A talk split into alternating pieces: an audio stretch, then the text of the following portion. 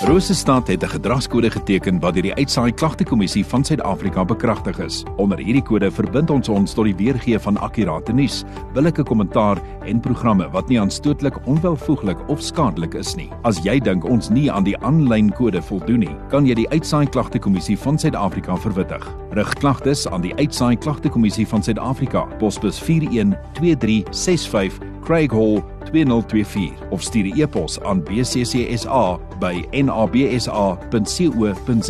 Vir verdere inligting, besoek www.bccsa.co.za.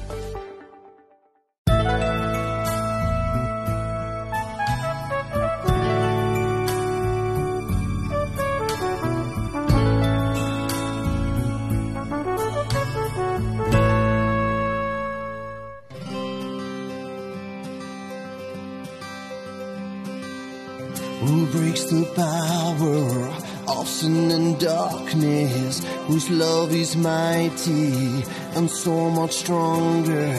The King of glory, the King above all kings. Who shakes the whole earth with holy thunder? Who leaves us breathless in awe and wonder? the King of glory,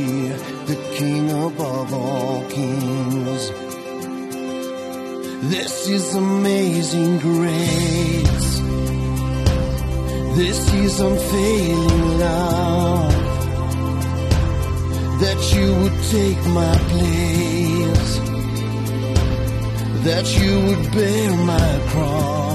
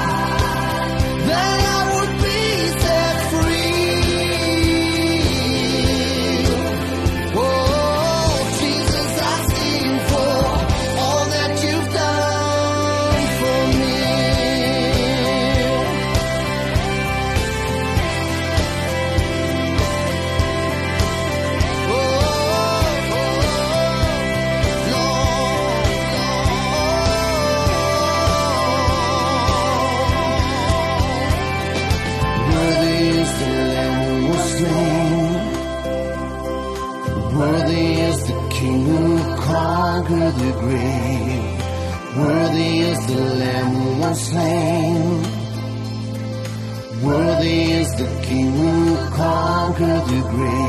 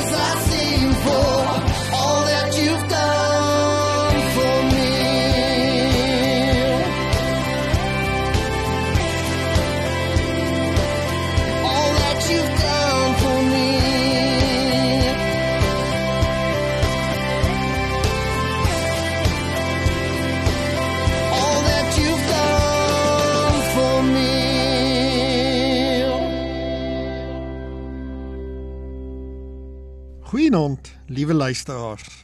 Ek glo dat elkeen van julle 'n aangename Sondag gehad het. Baie dankie dat ek toegelaat is om hierdie week by julle te wees om saam met julle die boek Deuteronomium te deurdink.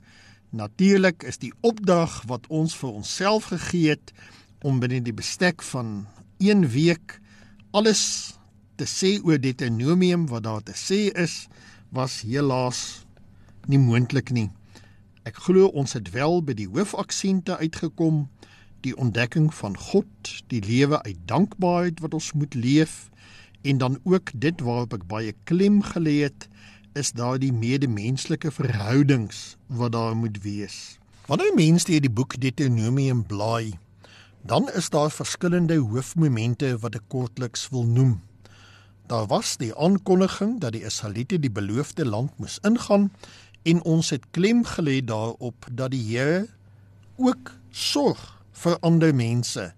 Die besondere verhouding wat daar tussen die Here en Esau is, mag dan nou ook nie geïgnoreer word nie. Blaai mens verder, dan is daar weer 'n beklemtoning van dit wat ons ken as die 10 gebooie. Maar dit is duidelik dat wanneer ons na al hierdie sake kyk, dan moet ons die 10 gebooie sien nie as 'n nee nie, maar eerder wat behoort ons te doen. 'n Saak wat ook vir my baie kosbaar was, was die ontdekking gewees dat ons moet uitkyk vir mekaar ongeag die sosiale omstandighede wat daar moet wees en dan in veilig se oordenking het ons ook nagedink oor die koning se verantwoordelikheid teenoor ons as mense. Ons het ook die dieper vraagstuk besin oor Moses wat 'n nee ontvang het en dan was daar baie ander sake waarby ons nie kon uitkom nie en dit is byvoorbeeld wat moet gedoen word in 'n oorlogssituasie. Die hoofklem van al hierdie sake was dat die volk hulle self moes verander, dat die volk hulle self moet voorberei om wanneer hulle die nuwe land intrek, anders te wees, anders te doen 'n ander oriëntasie te hê.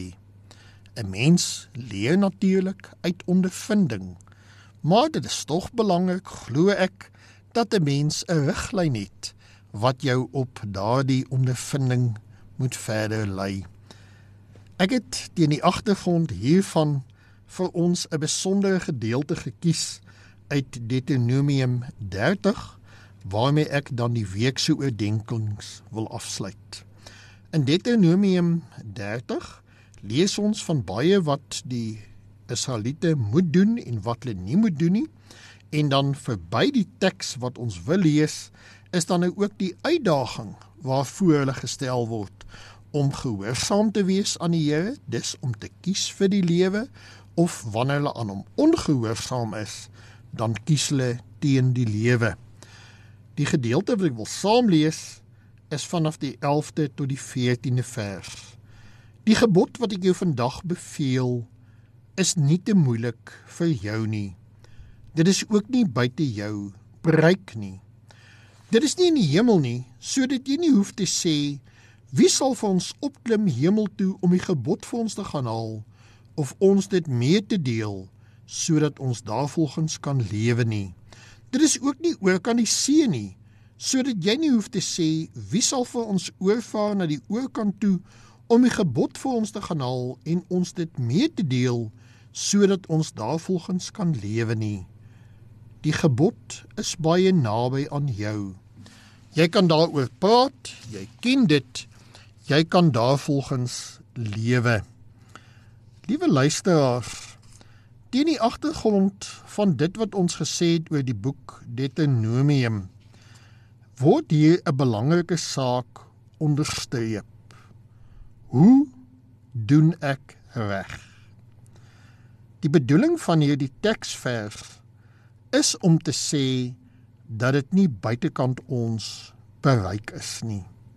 En dan word daar twee beelde gebruik wat vir ou Israel baie beteken het. Die een is dit is nie in die hemel sodat jy hoef te sê wie sal vir ons opklim hemel toe om die gebod vir ons te gaan haal en ons dit mee te deel sodat ons daarvolgens kan lewe nie. In die wêreldbeeld van ou Israel was die hemel 'n plek waar God gewoon het. Dit was ontoeganklik vir mense. En van daar uit moes daar 'n boodskap gekom het. En hoe sou daardie boodskap hulle bereik het? En nou hoor hulle die gerstellende woorde.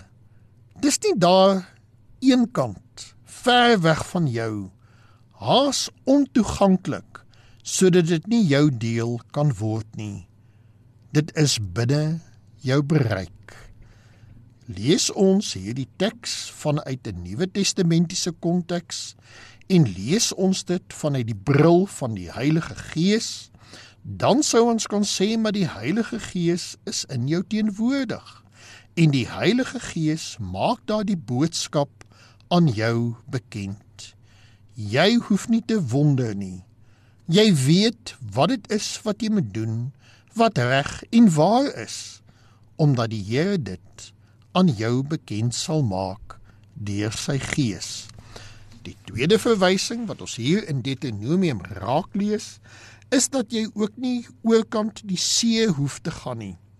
Ons besef nie genoeg wat die betekenis van 'n watermassa soos die see vir ou Israel was nie naas die mitologie wat nou verweef was met die see dat dit 'n plek van chaos magte is, dat dit 'n plek van stryd is, dat wie oor see wil gaan dikwels hulle lewens kan verloor, dat Israel ook bewus was van wat water in hulle eie konteks vir hulle beteken het en die uitdagings wat water ook teweegbring, word gesê dat selfs hierdie angstigheid hoef nie oorbrug te word sodat die woord aan ons bekend hoef te word nie want daardie woord is ook aan jou bekend wanneer dit saamgelees word met die voorafgaande teks sou ons dus kon sê dat die Heilige Gees dit nog 'n keer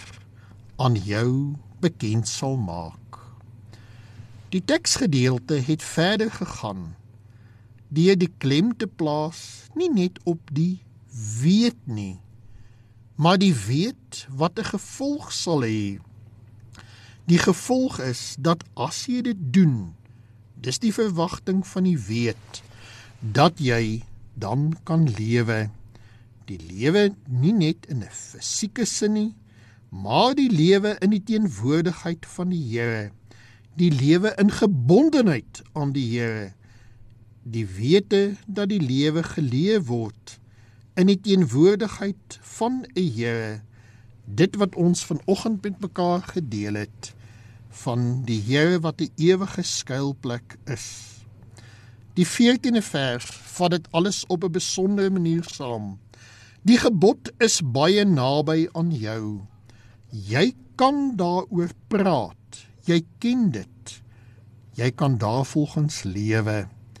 Die twee woorde wat hier onderstreep moet word is die praat en die ken. Om goed te doen is nie iets abstraks nie. Dit is nie iets wat ons in woorde nie kan omsit nie. Dit is nie iets wat ons nie met ander mense kan deel nie. Om goed te doen, om reg te doen, om reg te lewe, om goed te lewe word ook proef ondervindelik ondervind in die lewe en hiervan kan elkeen van ons 'n getuienis gee maar meer as 'n getuienis ons kan dit ook met dade bewys en wanneer ons dan hierdie gebod neem as ons eie ons praat daaroor ons leef dit dan gee dit vir ons inderdaad die lewe die lewe in die teenwoordigheid van die Here. Aan die begin van die hierdie reeks oordenkings het ons ook vir mekaar gesê dat die gebod nie eng gelees moet word as dit wat jy moet doen, dit wat jy behoort te doen of dit wat jy nie moet doen of nie behoort te doen nie. Die gebod se bedoeling is veel eerder die onderrig om voor die Here te lewe. daardie onderrig wat jy ontvang om naby die Here te lewe, om hy dankbaar te lewe en dan ook met verantwoordelikheid teenoor ander mense te lewe. Ons kom dikwels in 'n situasie wat 'n mens moet kopkrap oor wat gedoen moet word. Hierdie teksgedeelte wil alles behalwe impliseer dat daar klinkklare antwoorde op alles is, veral vir die uitdagende tye waarbinne ons leef. Maar hierdie teksvers is baie duidelik dat daar 'n vaste fondament is, dat daar 'n platform is, dat daar 'n goeie begin is waarmee ons sake kan hanteer. Die eerste hiervan sou wees dit wat ons in die week telke male vir mekaar gesê het, die Here wat teenwoordig is die Here se Gees Nuwe Testamenties gesien wat dis by ons is en ook vir ons leiding sal gee om in waarheid te handel. 'n Tweede belangrike riglyn ongeag die situasie is die respek wat ons vir ander mense moet hê. Die deernis waarmee ons teenoor ander mense moet lewe. En dan die derde riglyn Daardie 10 gebooie wat hulle ontvang het, was 'n goeie aanduiding gewees van hoe lewe ons voor die Here en hoe lewe ons teenoor mekaar. As ons dus hierdie riglyne vat van wie God is, as ons die riglyn vat van dat ons weet hoe behoort ons teenoor mekaar te lewe, dan kan ons die nuwe week met vertroue ingaan deur te sê 1 ons lewe met waagmoed want die Here trek saam met ons deur elke dag se lewe. 2 ons lewe met deernis teenoor mekaar. Ons skep ruimte vir mekaar. Ons aanvaar die ander persoon. Onthou ons verwysings na die vreemdeling. Ons onthou die swaar wat ons gehad het en ons doen dit nie aan ander mense wanneer die situasie verander nie. En dan die derde saak is ons lewe bewustelik in hierdie wêreld om God se koninkryk te laat kom. En hoe laat ons sy koninkryk kom? Deur eer te bring aan wie die Here is. Maar daardie eer in dade om te sit. En dit is dan die uitdaging wat ek by elkeen van ons verlaat om in die komende week natuurlik te getuig van die grootheid van die Here. Om natuurlik na te dink oor die liefde van die Here. Natuurlik deel ons dit met mekaar. Maar meer nog, dit is tyd dat ons dit in ons stikkende wêreld moet sien. In 'n fisiek stikkende omgewing, in 'n vernielde wêreld stikkende verhoudings, gebroke verhoudings. Kom ons vat al hierdie sake wat ons verneem het uit Deuteronomium.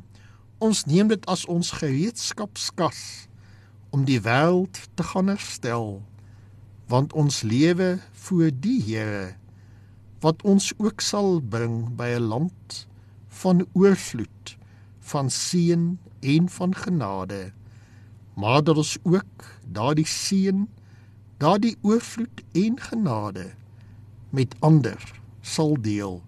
'n Mooi week vir elkeen van julle. Kom ons bid saam. Here, dankie vir die kosbaarheid van u woord. Dankie vir die tydloosheid van u woord. Dankie vir 'n onderrig wat in ons hart bestaan. Dankie dat in die kompleksiteit van die lewe ons op hierdie riglyne kan terugval. Onthou God. Onthou jou situasie. Onthou ander dat ons dit alles kan gebruik o Heer om U naam groot te maak en die koninkryk te laat kom. Amen. Johannes 4 vers 23. Maar daar kom 'n tyd en dit is nou wanneer die ware Vader die ware en waarheid sal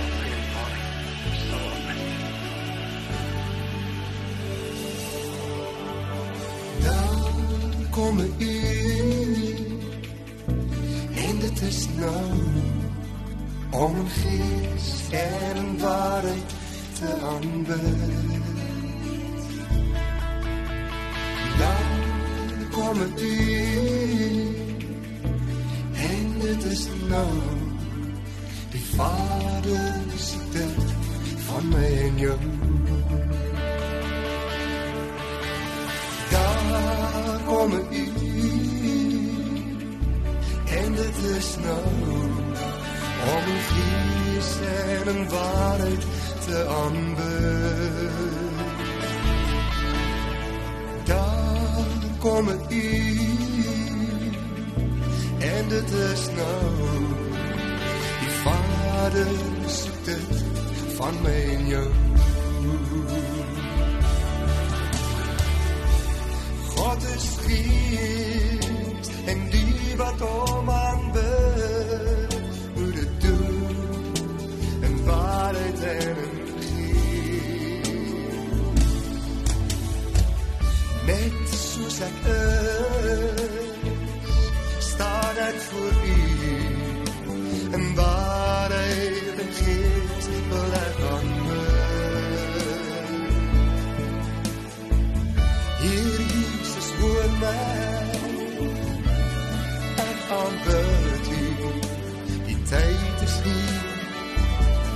u. Die